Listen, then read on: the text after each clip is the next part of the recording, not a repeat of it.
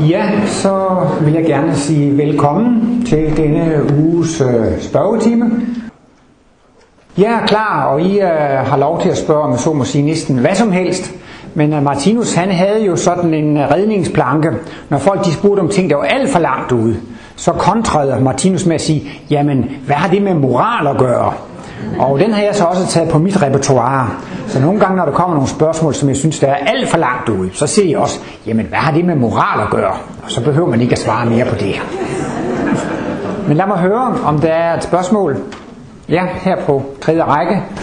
Om döda anhöriga kan vara skyddsänglar åt oss, hur uppfattar de oss då?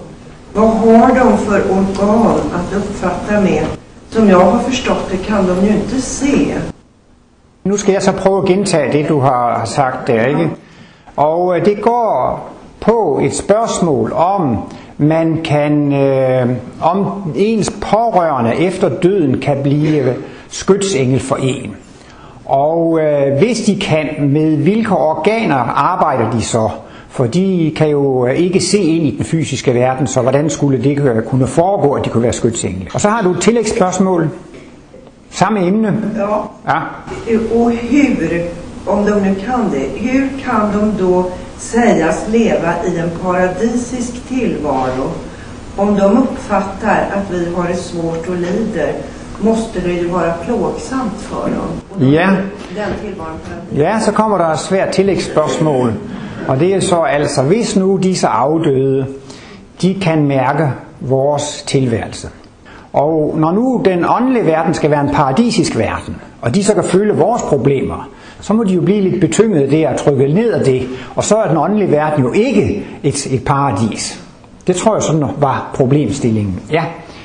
Jamen, øh, jeg har øh, faktisk hørt et, øh, en båndoptagelse til Martinus, hvor han fik omtrent det samme spørgsmål. Og der siger Martinus, øh, også måske til nogens overraskelse, at man skal ikke på skytsengel-skole. Man skal ikke lære at blive skytsengel. Man bliver skytsengel for de pårørende helt automatisk i kraft af kærlighedsbånd. Det er altså kærlighed til de afdøde, der gør, at man kan blive skytsengel for dem. Og det kan jo typisk være øh, små børn, der dør fra en mor, og så vil moren være skytsengel. Men det kan jo også være venner og bekendte. Det, der drejer sig om, det er, om der er et stærkt kærlighedsbånd imellem øh, dem.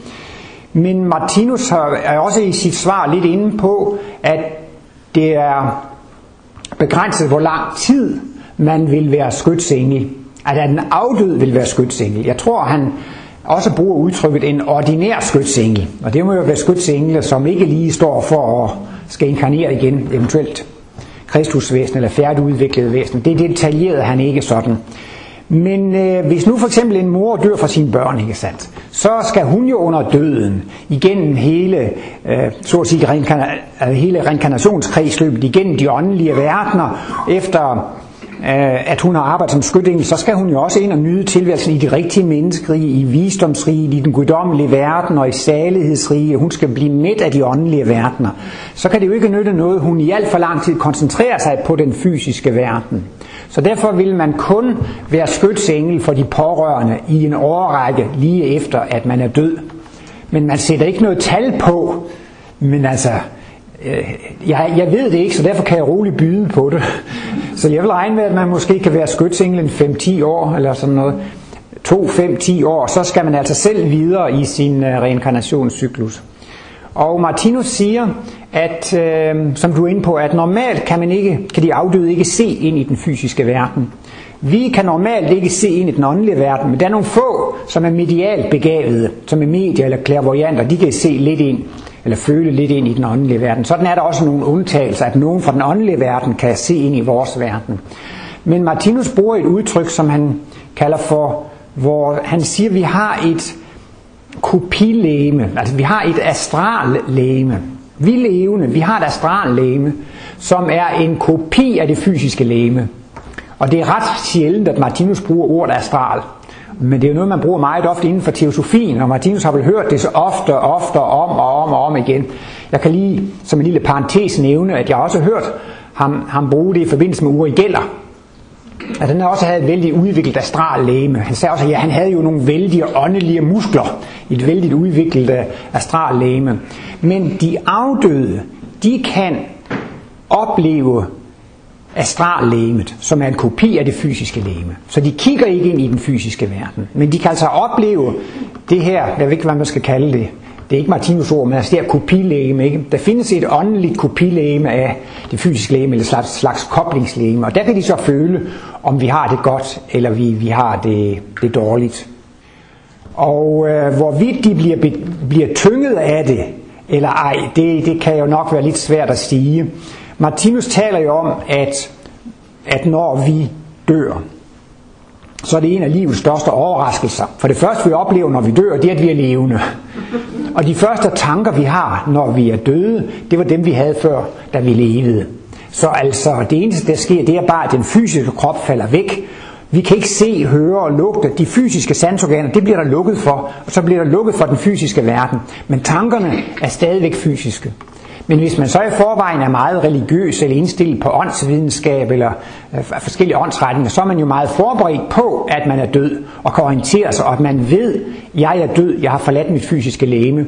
Men der er mennesker, som er meget jordbundne og meget materialistiske. De forstår ikke, at de er døde. Martinus nævnte jo blandt andet han er jo for den tid med Første Verdenskrig, da soldaterne lå i skyttegrave. Og så blev de kommanderet op, og så skulle de med bajonetter og geværer storme frem over felten og angribe fjenden. Så skete det jo tit, at nogle soldater blev dræbt, mens de stormede frem mod fjenden. Og normalt så opdagede de ikke, at de blev dræbt. På det åndelige plan, så fortsatte de, de, de med at, at angribe. De fattede ikke, at de var døde. Og øhm, i den lille artikel på svensk er den også som en lille bog, Gennem dødens port, forklarer Martinus, hvordan skytsengel kan hjælpe sådan en soldat. Så kan de materialisere et feltlasseret, et øh, Røde Kors hospital. De kan komme i sygeplejersker og lægeuniformer osv. Og så begynder den afdøde at tænke på, hvad må der er sket? Øh, må jeg er blevet såret, eller sådan kan de hjælpe. Men Martinus taler om, at der findes en mellemtilstand. Det er, at man er på det åndelige plan, men tankerne er ved det fysiske plan. Det er sådan en slags mellemtilstand. Man øh, hænger stadigvæk ved det fysiske plan, og denne mellemtilstand har egentlig to afdelinger. En skærsildszone og en paradiszone. Og skærsildzonen er jo de bekymringer, man havde før man døde, kan man arbejde videre med, når man er død. Specielt peger Martinus på, hvis man dør ved et selvmord, og man har været trist og deprimeret i lang tid, og så gør selvmord, så vil man fortsætte de samme tanker. Og Martinus siger heller ikke, hvor lang tid man kan være i de tanker. Jeg ved det ikke, så derfor byder jeg også roligt på det. Måske kan man to, fem, ti år være i sådan en, en, en altså selvmord, og de værste selvmord, i sådan en, en, en sort tilstand. Øh, men øh, der er også en anden del af afdelingen af mellemtilstand, og det er den fysiske paradiszone. For eksempel så vil dyr jo være et sted, hvor det er rigeligt med mad. Indianerne, siger man jo, de drømmer jo om de evige jagtmarker, hvor det er. Så altså, eller når bymennesker dør, så gamle bymennesker, de har måske drømt om et hus på landet, det siger Martinus tit, så drømmer de om et øh, bindingsværkshus med, med stokroser og så videre. Og hver gang de tænker på det hus, så står det der.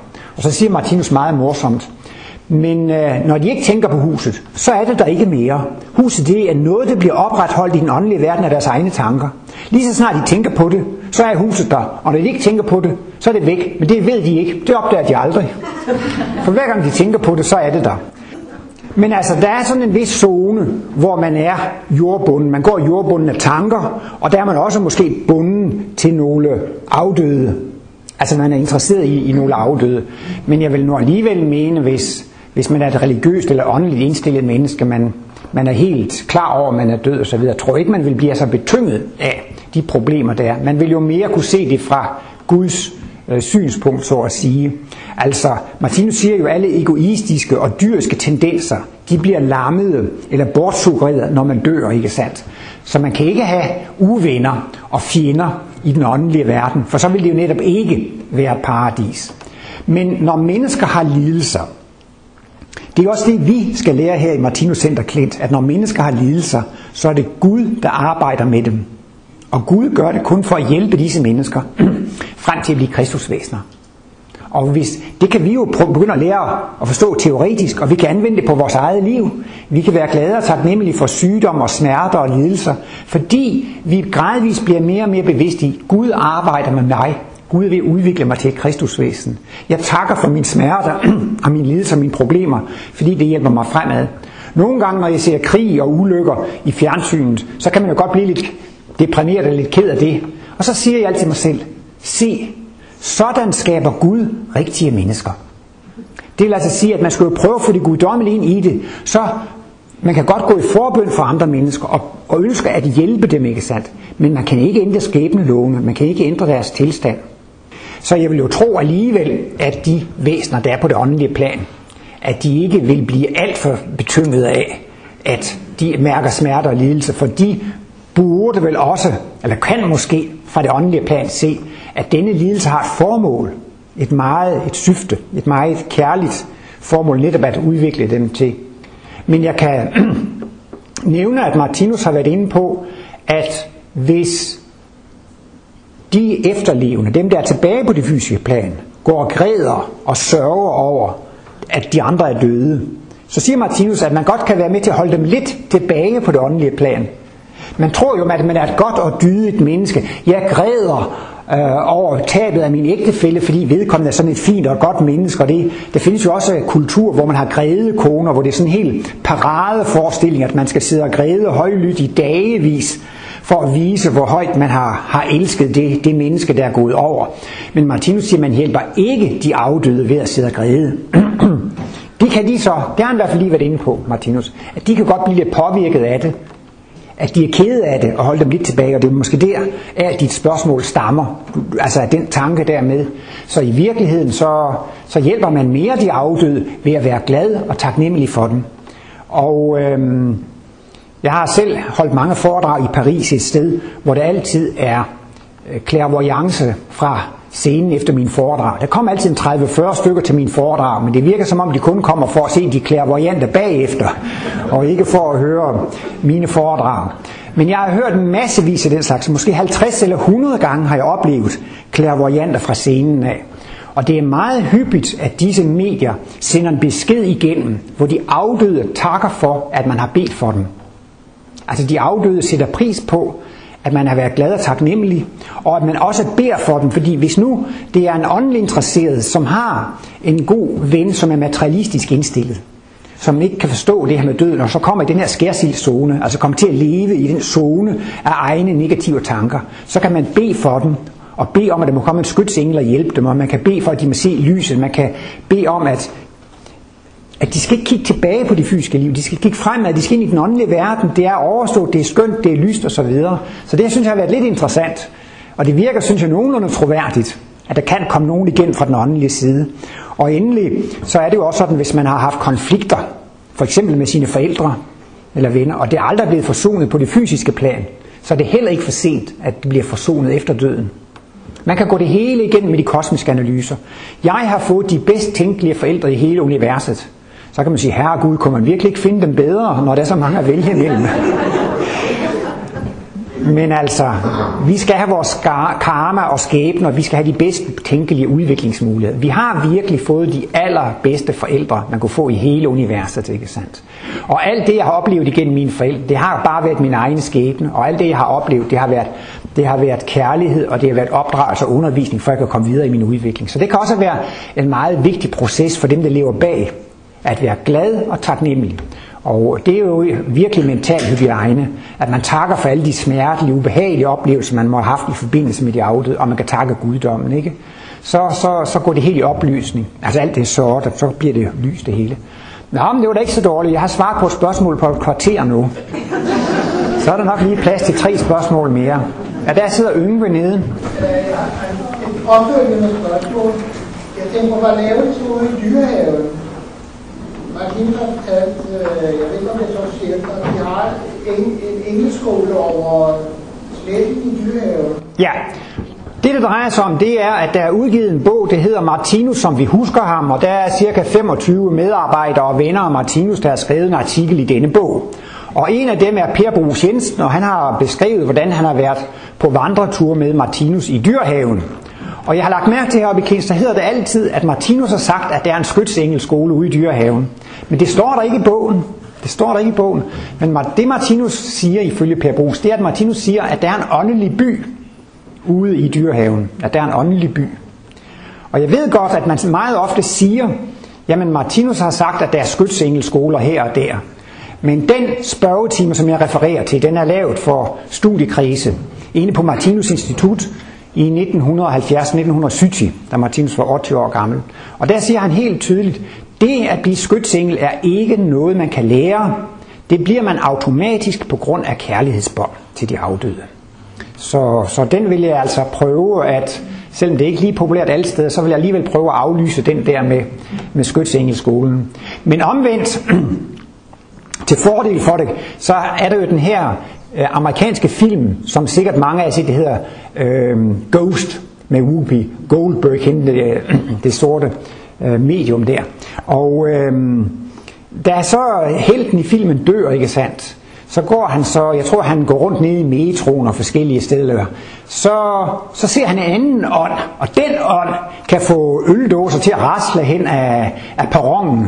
Og så tænker han, hvordan gør man det? Fordi det kunne han ikke selv finde ud af. Og så får han så lidt undervisning af en anden afdød i, hvordan man kan sparke til øldåser, og altså hvordan man fra den åndelige side kan påvirke den fysiske materie. Og det kunne man jo så, hvis det ellers er rigtigt, anvende som argument for, at man godt kan lære lidt sådan på den der skytsengelskole, men, men det han var ude på, det var jo også et slags hævntog på det fysiske plan fra, fra det åndelige plan. Og Martinus har været inde på, at hvis der er to mennesker, der er fjender, og de bekriger hinanden i live, så dør den ene og går over på det åndelige plan. Så kan den, der går over på det åndelige plan, meget vel fortsætte krigen fra det åndelige plan. Og så er det jo ikke så godt, hvis han bliver alt for dygtig til at flytte på øldåser og banke på døre og så videre. Fordi så kan han jo rigtig terrorisere ham, der tilbage på det fysiske plan. Det kan man godt blive lidt forskrækket over. Men så siger Martinus, ja, men det det gælder om, det er at tilgive sine fjender. Og det er at gå i forbøn for sine fjender og ønske dem alt godt. Fader, forlad dem, de ved ikke, hvad de gør. Og så siger Martinus, det giver 100% beskyttelse. Så man skal ikke være bange for, om jeg så må sige, angreb fra den åndelige verden, hvis man selv har rent mel i posen. Og er man, er man bange eller sådan noget, så siger Martinus altid, man skal bare rette bevidstheden mod Gud. Martinus har jo den her lynbøn på tre små ord på tre bogstaver. Man skulle rigtig hurtigt med en bøn for Martinus, så sagde han bare, vær hos mig. Skal den oversættes til tysk, så er der også tre ord på tre bogstaver. Sei bei mir, så det er jo meget godt, når man holder foredrag på tysk. Men altså, det drejer sig altså om lynhurtigt at rette bevidstheden mod Gud, ikke sandt? Det er det, det giver beskyttelse. Altså skulle man så at sige blive udsat for spøgelser, onde ånder og sort magi og så videre, ikke sandt? Det bedste det er simpelthen bare at sige, fader hvor du som er i himlen, ikke sandt? Altså også. Og øjeblikkeligt koncentrere sin bevidsthed mod guddommen. Det giver beskyttelse. Det, det kan de ikke lide, de her ånder. Så, så, så, flygter de. Så det er det, det drejer sig om. Jeg ved ikke, om jeg skal prale med det, men det sker der nogle gange, at jeg har nogle meget ubehagelige drømme. Det er altid sådan nogle, dage efter mig eller forfølger mig. Nogle gange kan det også godt være sådan nogle ånder, der suser efter mig. Men så beder jeg til Gud i drømmen, og så vågner jeg med det samme. Og så, så er det væk. Så er det overstået, ikke sandt? Og så, så falder jeg pænt i søvn lidt efter. Så, så jeg har sagt det så mange gange i mine foredrag og spørgetimer, eller har prøvet det så mange gange, så, så det kommer altså helt automatisk, når jeg er i en meget ubehagelig situation i drømmen, så beder jeg til Gud. Og det har den samme effekt hver eneste gang. Jeg vågner simpelthen med det samme, og så, så er jeg ude af det. Det er måske næsten ligesom også, når jeg bliver trukket ud af en tunnel. Når man dør, så går man igennem en tunnel. Det er ligesom om, så bliver jeg lige trukket ud af det og føler det som, som en stor befrielse. Ja. Så er der et svensk spørgsmål her. Det finns någon som har sagt att det stora felet med vetenskapen det är att den tror att det finns svar på alla frågor. Ja, Och eh, ibland har jag undrat om det inte är samma sak med kosmologin. Att eh, man tror att det finns svar på alla frågor. Gåtfullheten i tillvaron är borta. Allting är, det finns en detaljerad plan. Ja. Allting är förutbestämt. Ja. Utvecklingen löper igenom de olika rikena och det nuvarande människosläktet är på väg att bli dubbelpoligt. Jag, menar, jag vill gärna tro att eh, universum är, är, är så oerhört komplicerat så att det finns inte så entydiga svar. Ja. Men om universum är mycket komplicerat så kan det inte beskrivas med hjälp av en första gradsekvation. Utan man måste ha ekvationer av högre gradtal. Och hela poängen med andra och tredje gradsekvationen det är att de har mer än en lösning. Det kan, kanske finns många lösningar på tillvaron. Kan hända att en del mennesker inkarnerar men om säkert att.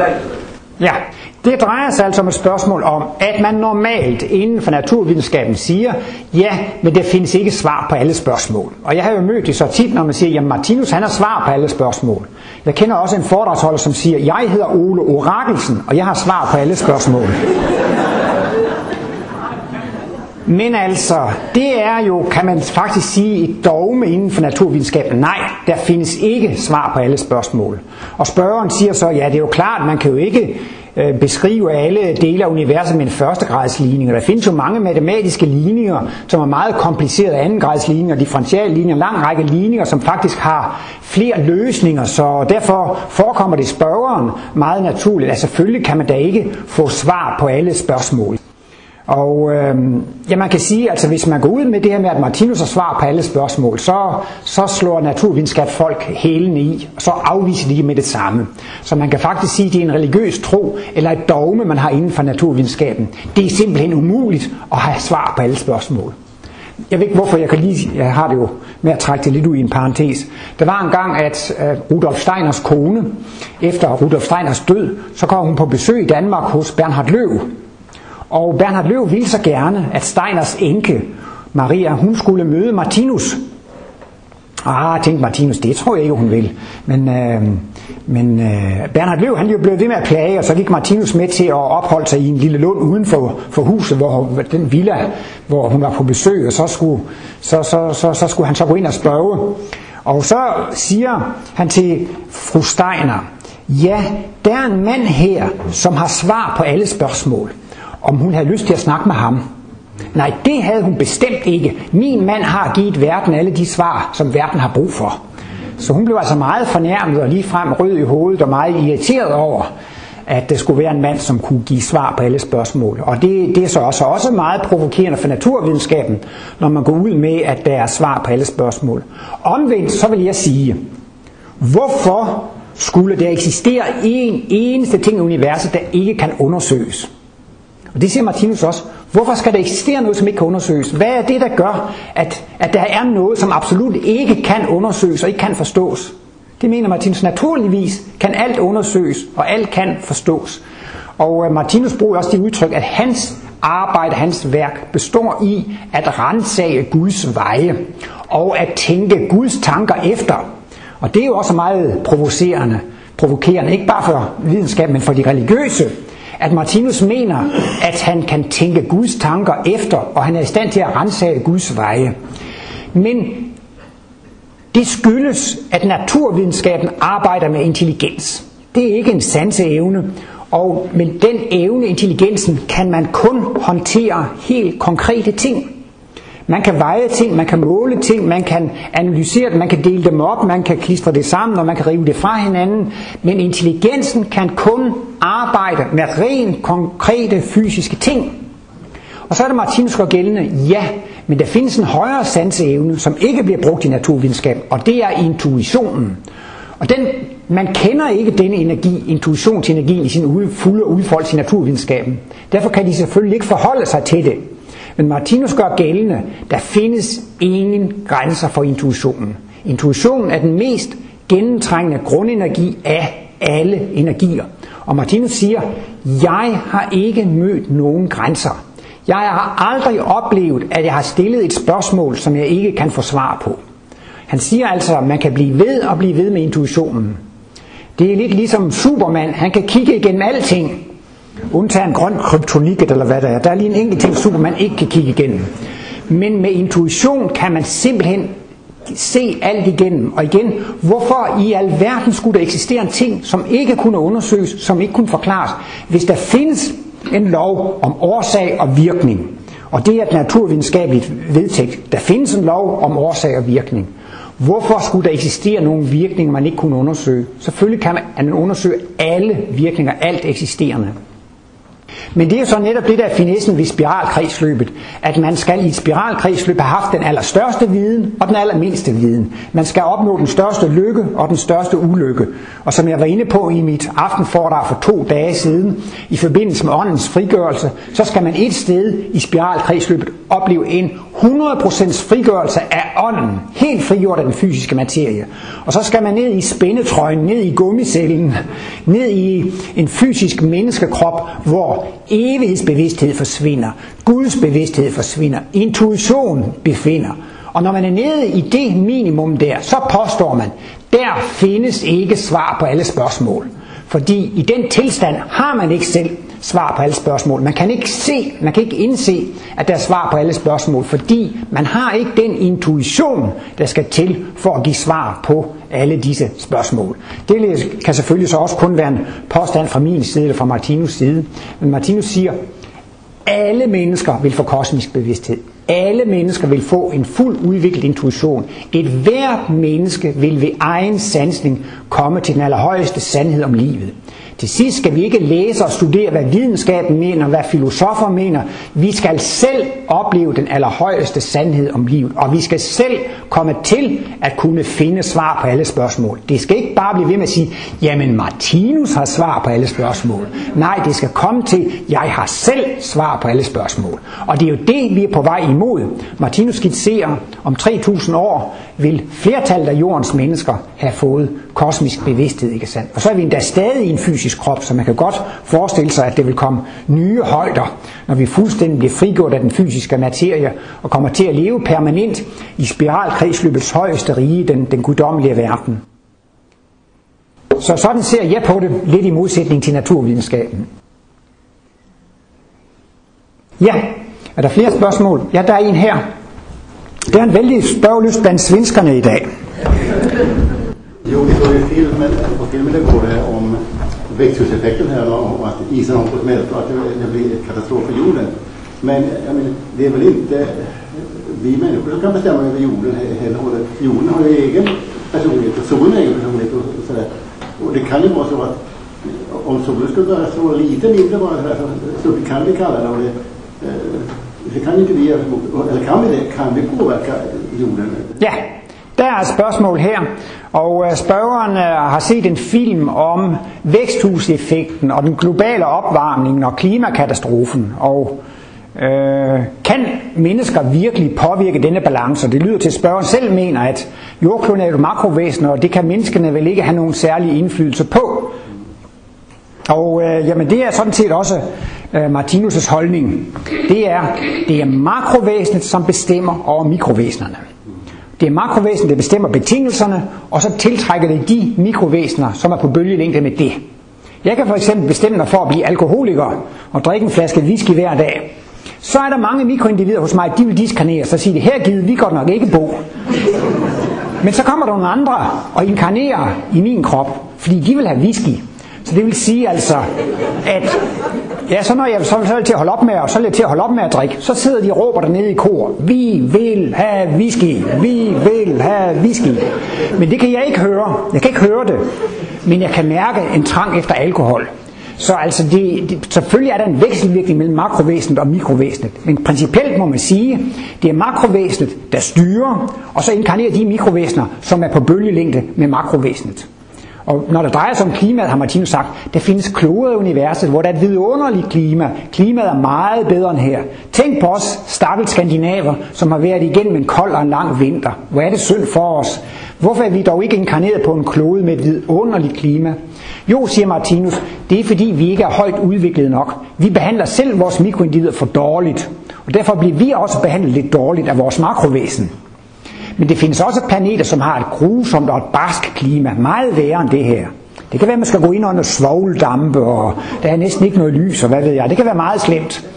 Men det er vi for højt udviklet til at komme ned på sådan nogle grusomme planeter. Så vi bliver tiltrukket til den planet, der lige passer til os. Men ikke nok med, at jordkloden er et levende væsen. Solsystemet er også et levende væsen. Og Mælkevejen, altså galaksen Vintergården, er også et levende væsen. Så dybest set, så er det, så er det Vintergården, Mælkevejen, der bestemmer klimaet her på jorden. Som bliver bestemt via solsystemet, via jordkloden osv. Der findes jo en dansk forsker, som hedder Henrik Svensmark, som er kommet med nogle teorier om, at denne temperaturstigning ikke skyldes CO2-udledning, men den skyldes kosmisk stråling fra rummet. Og han har lavet nogle forsøg, som viser, at når der er meget kosmisk stråling, kommer der særlig mange af en bestemt type partikler, som gør, at der bliver dannet flere skyer, og så bliver det koldere, eller så var det omvendt, altså når det er meget kosmisk stråling, så bliver de der partikler ikke dannet. Og så, ja, det princippet det er i hvert fald, at meget kosmisk stråling har en indflydelse på klimaet. Og han har målt på, hvor meget kosmisk stråling, der kommer fra vores nabogalakser. Der er noget, der hedder Øh, den lille Magellanske sky og den store Magellanske sky, det er to dværggalakser, som ligger meget tætte på vores Mælkevej. Og den, vores øh, galakse Mælkevej, den roterer på 200 millioner år, så det er jo virkelig en langsom rotation. Men nogle gange så er så jordkloden tættere på de her Magellanske skyer, og nogle gange er de længere væk. Og der kan han så altså se, at det, der bestemmer mængden af plantevækst her på jorden, det er mængden af den kosmiske stråling. Og ikke nok med, at Altså, der kommer kosmisk stråling fra vores nabogalakser, der kommer kosmisk stråling fra Mælkevejen, og nogle gange kommer der også magnetiske storme fra solen. Og hans forsøg viser, at det er i særklasse den makrokosmiske stråling, der bestemmer klimaet på jorden. Ikke? Og så bliver han jo rigtig ille set. Fordi det er jo klogt for en politiker at sige, hvis I ikke opfører jer pænt, så kommer bussemanden. Sådan var det, da jeg var barn. Hvis du ikke opfører dig pænt, så kommer bussemanden. Så tog man jo ikke andet end at opføre sig pænt. Og så siger politikerne, jamen hvis I ikke sparer, så kommer bussemanden. Så det er jo et rigtig godt politisk knep at sige, jamen hvis I ikke sparer på CO2, så går jordkloden, så går jordkloden under. Men øh, jeg mener selvfølgelig ikke, at man skal være et miljøsvin og, og, og øsle unødigt med ressourcerne. Men desværre har CO2-debatten jo haft den effekt, at man er gået over til at sige, jamen så må vi have noget mere atomkraft, det er ren energi. Men det er ifølge Martinus det mest katastrofale energiforsyning, man kan have. Mennesket skal ikke sysle med en makrokosmisk livskraft. Denne radioaktive stråling, den radioaktive kraft, den er for alt, alt for stærk for mennesker. Og problemet med opbevaring af atomaffald er ikke løst. Nede i Tyskland findes der et sted, der hedder Gorleben, hvor man har en stor salthorst. Og der har man set massevis af atomaffald ned i nogle bliktønder. Og nu begynder det at blive fugtigt dernede, og de der bliktønder, de begynder jo at korrodere og erodere, fordi det både er salt og fugt dernede. Og det er jo en katastrofe, at man har stillet altså tonsvis af radioaktiv affald ned sådan et sted, i sådan nogle beholdere, der måske kun har en levetid på et par hundrede år eller så videre. Det er slet ikke løst. Så det kan man sige, det er i hvert fald en meget ulykkelig side af CO2-debatten, at man går ind på at prøve at, at, at, at bruge atomkraft i, i stedet for.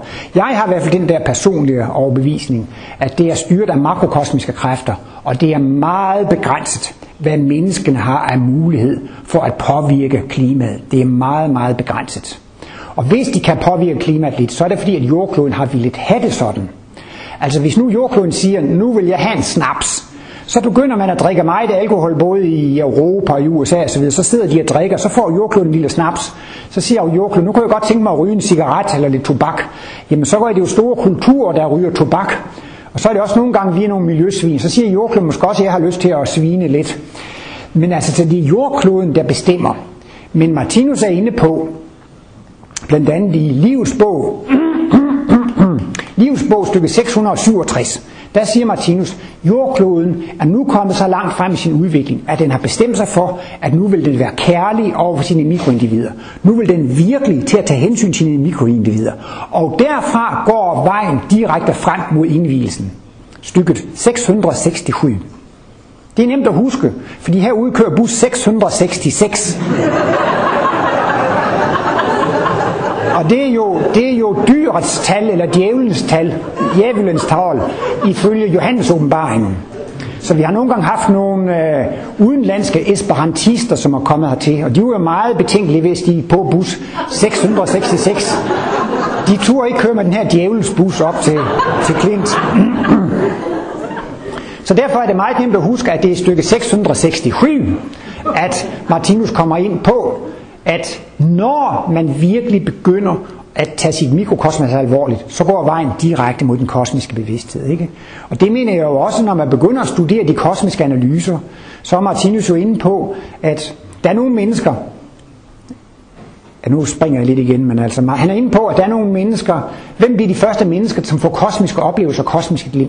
Ja, siger Martinus, så må vi dele menneskeheden i tre store dele, og den ene del, det er de mennesker, som får grovkarma. De er indstillet på krig, de vil forsvare sig, de vil have, øh, de vil have våben, de vil have, have, have, have våbenmagt, og, og de kan få en meget grov skæbne. Så siger Martinus, så findes der en anden gruppe mennesker, de betjener sig endnu af den narkotisk-animalske ernæringskilde. Og den narkotiske animalske ernæringskilde, det betyder, at det er mennesker, der spiser kød og blodprodukter, de drikker vin og spiritus og øl, og de ryger måske også. Disse mennesker vil også få en relativ streng skæbne i form af sygdom osv. Men så er der nogle mennesker, som er så interesseret i analyserne, at de prøver at omsætte dem i praktisk væremåde. De prøver på at tilgive deres fjender, de prøver på at tænke kærligt. Det kan man jo ikke beslutte sig for at gøre, det er en træningssag. Og så begynder man også at tænke på, nu må jeg tage hensyn til min mikroverden, og holde op med at spise kød og alkohol og narkotiske stoffer, og jeg må prøve at have positive og glade og taknemmelige tanker. De mennesker, som prøver på, på denne måde at omsætte de kosmiske analyser i praktisk væremåde, det vil blive de første mennesker, som vil få, få, få, få kosmiske glimt. Så jeg synes bare, det er så interessant med jordkloden. Den er ifølge Martinus på vej ind i sin indvielse. Altså man kan sige, da, da, da, da, da Jesus blev født, så startede jo Kristusmissionen. Og da Martinus fik kosmisk bevidsthed, jamen altså, så kan man sige, der startede bevidsthed, der startede jordklodens indvielse i kosmisk bevidsthed. Fordi så begyndte Martinus at holde foredrag, han begyndte at skrive bøger, og så begyndte mennesker at læse de kosmiske analyser. Og efterhånden som flere og flere mennesker læser de kosmiske analyser, så er der flere og flere mennesker på jordkloden, der kender til de kosmiske analyser. Der er flere og flere jordklodens celler, der kender til de kosmiske analyser.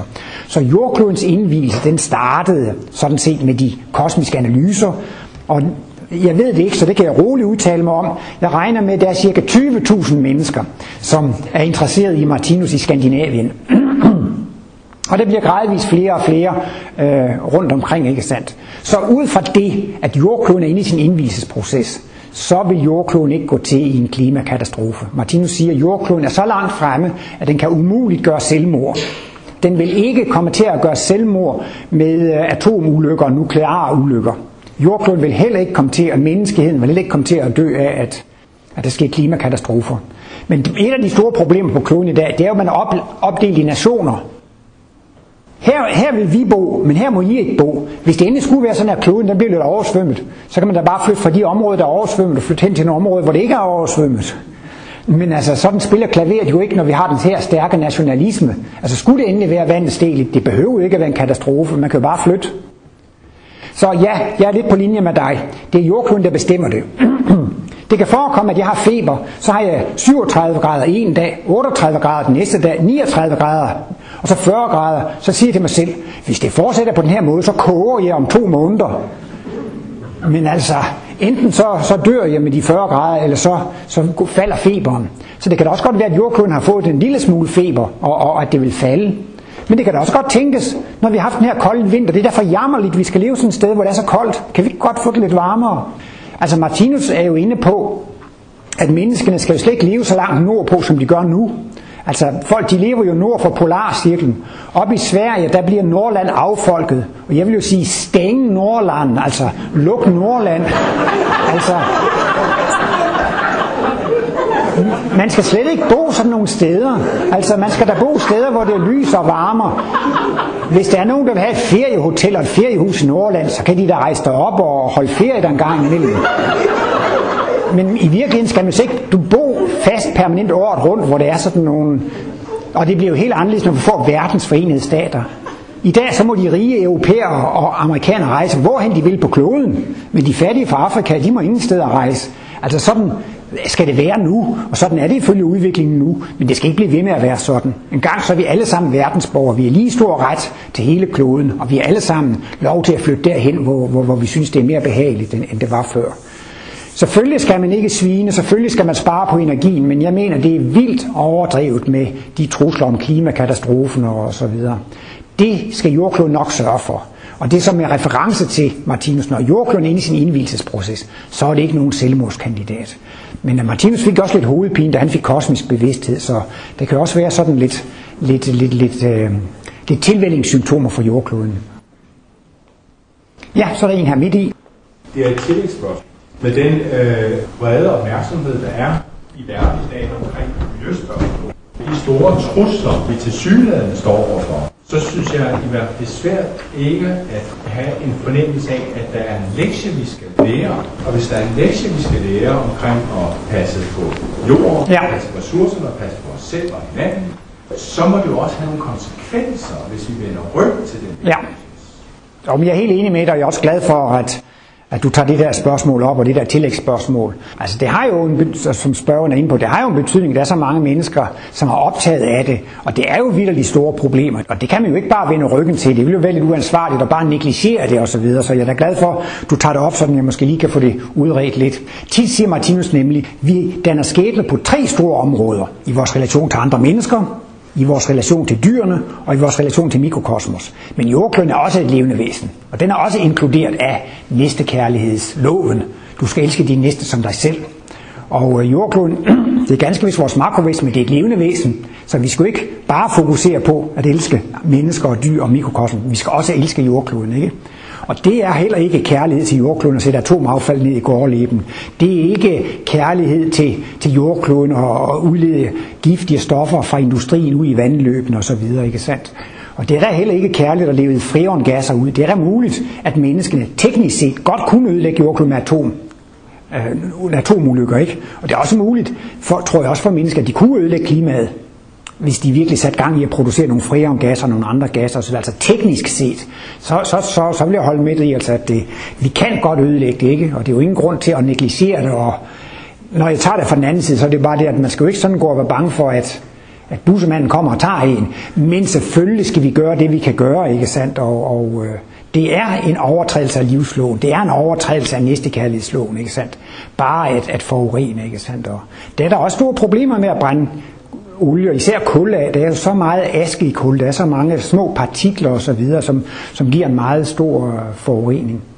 Martinus var jo inde på, at der vil komme nye energikilder, og han talte om en fri energi, og han, han, han blev tit spurgt, og jeg kan også huske, Yngve, som sidder dernede i sidste salen, også har presset Martinus for med den her nye frie energi.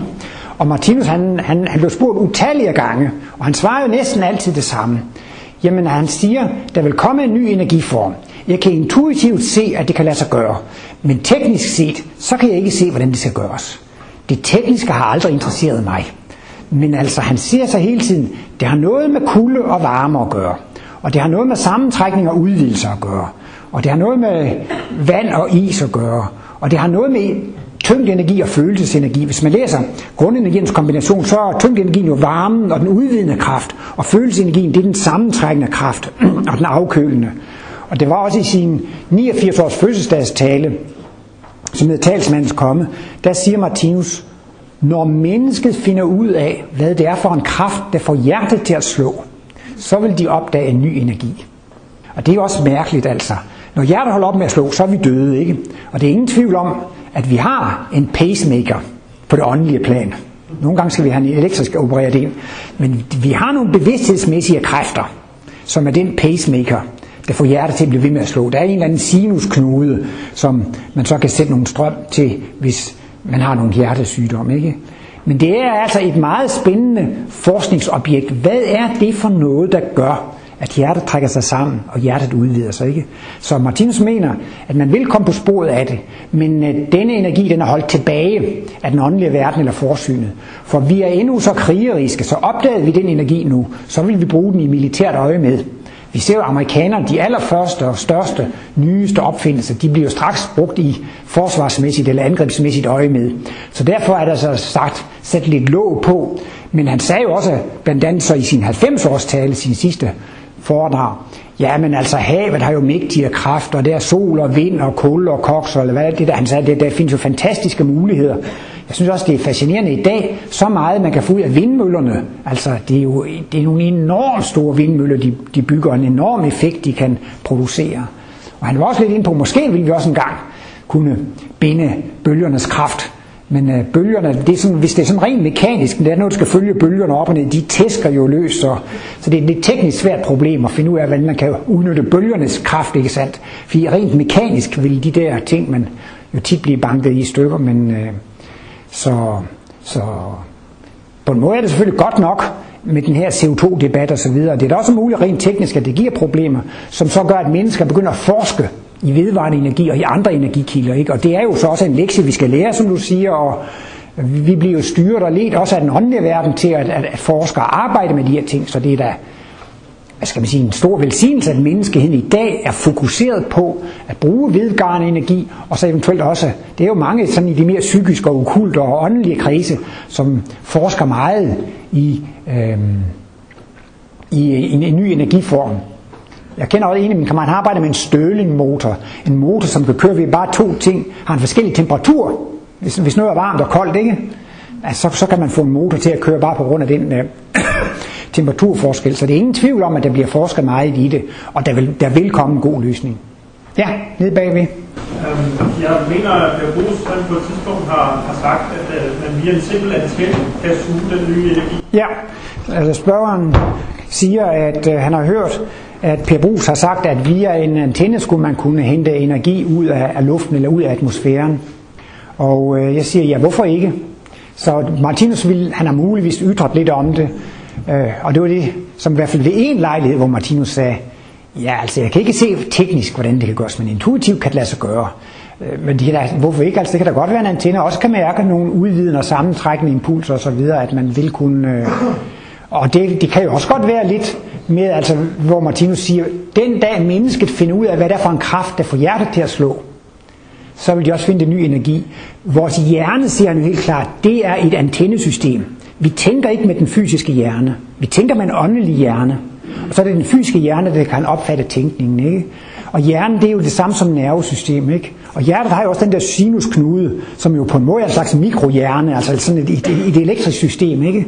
Så det er også lidt interessant, at hjertets sinusknude må også have en eller anden antennefunktion, som kan, øh, som kan modtage nogle bevidsthedsmæssige impulser. Så er den antenne. Altså hvis jeg vil bøje og strække armen, ikke, så er det fordi, jeg har tænkt det på det åndelige plan. Og så går det ned til hjernen, som er en antenne. Og så løber det i nerverne ud til de her muskelplader, der gør, at det kan bøje og, og strække armene. Så, så jeg vil sige, hvorfor ikke? Det er der noget, der tyder på det. At det godt kan blive med sådan en slags, en slags antenne. Men øh, det er jo bare med at gå i gang med at forske. Men øh, Martinus mener, at det bliver holdt tilbage, så længe det vil blive misbrugt. Han siger jo også, at Jesus han kunne helbrede, han kunne lave mirakler, han kunne dematerialisere. Men det er højpsykiske evner, som man først kan få ved en vis moralsk standard. Der findes naturmænd og shamaner og klærvorianter osv. De kan få åndelige evner uanset udviklingstrin. Det er så det, der hedder lavpsykiske evner. Forskellen mellem lavpsykiske evner og højpsykiske evner, det er moralen. Lavpsykiske evner kan man få. Selv hunde og katte, dyr, de er også klærvariante. De har jo instinkt, de kan jo... Men der findes visse evner. Dem kan man kun få med et vist moralsk trin.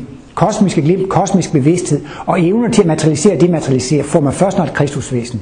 Men Martinus har et stykke i Livets bog, bind 2, hvor han prøver at male op, hvad nu hvis vi havde disse evner til at materialisere og dematerialisere mirakelhelbredelse på lave primitive udviklingstrin?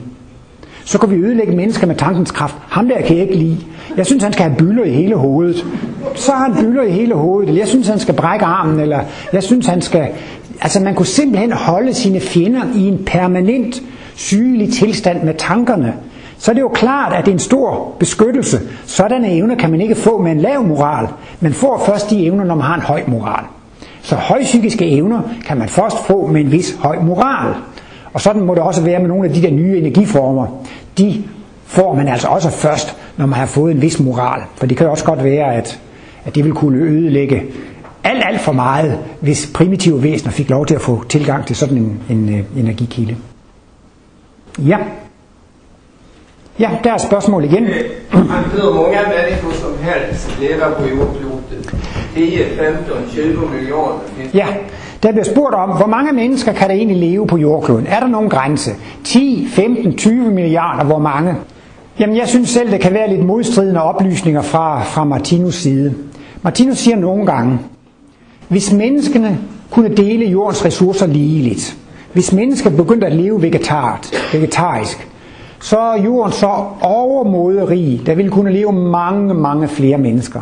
Det er jo også en af de ting, der man har fundet ud af med CO2-debatten i det mindste. at det er det enormt spild ved at spise kød. Det er så meget CO2-udslip, og CO2 det er jo når noget er forbrændt, ikke? Vi kunne jo spare utrolig meget i CO2-udslip, hvis alle jordens mennesker blev vegetarer. Så rent fysisk set, så ville jordkloden i hvert fald godt kunne føde langt flere mennesker. Altså, jeg vil jo godt tro, at det kunne være mad til 20-40 milliarder mennesker, hvis det skulle være. Men omvendt, så er Martin finde på polanalyserne. Vi bliver mindre interesseret i det familiemæssige. Vi bliver mindre interesseret i at få børn. Vi bliver mere interesseret i vores fag, vores interesse, vores hobby i åndsvidenskab. Poludviklingen gør, at vi bliver kreative mennesker, hvor vi før var familiemennesker. Og det kan så også gøre, at der vil være færre mennesker på jordkloden. Men det, der den sidste ende bestemmer det, det er jordklodevæsenet selv. Og det kan være, at jordklodevæsenet skal have 5 milliarder, 10 milliarder, 20 milliarder hjerneceller for at fungere optimalt. Og så får den det. Det er jordkloden, der bestemmer, hvor mange hjerneceller der skal være. Men Martinus mener i hvert fald, det der med at bo i store byer, det hører ikke fremtiden til. Det, vil, det er jo forfærdeligt at bo i sådan nogle byer. Han siger, at folk kommer til at bo i store slotter og palæer ude i naturen. Og skal vi bo på den måde, så skal det jo ikke være alt for mange store millionbyer. Jeg har også tænkt på det her med internet og mobiltelefon. Gør måske også, at det ikke er så vigtigt at bo i store byer mere. For man kan sidde og lave arbejde derhjemme. Man kan lave arbejde ude på landet ved hjælp af mobiltelefon og internet og, og, og, og så videre. Så ja, der er plads til mange flere mennesker på jorden. Der er ressourcer til meget mere. Men bare fordi der er muligheder for flere, er det ikke sikkert, at der kommer til at bo flere. Vi skal også have plads til at bo flot og grønt alle sammen og bo i, i naturen. Så jeg kan ikke besvare spørgsmålet entydigt, men det er helt, helt klart, at, at hvis bare vi kunne lære at leve ordentligt, pænt, vegetarisk og dele med hinanden, og ikke overflødigt brænde ressourcer af, så kunne der leve mange flere her, end, end, end det gør.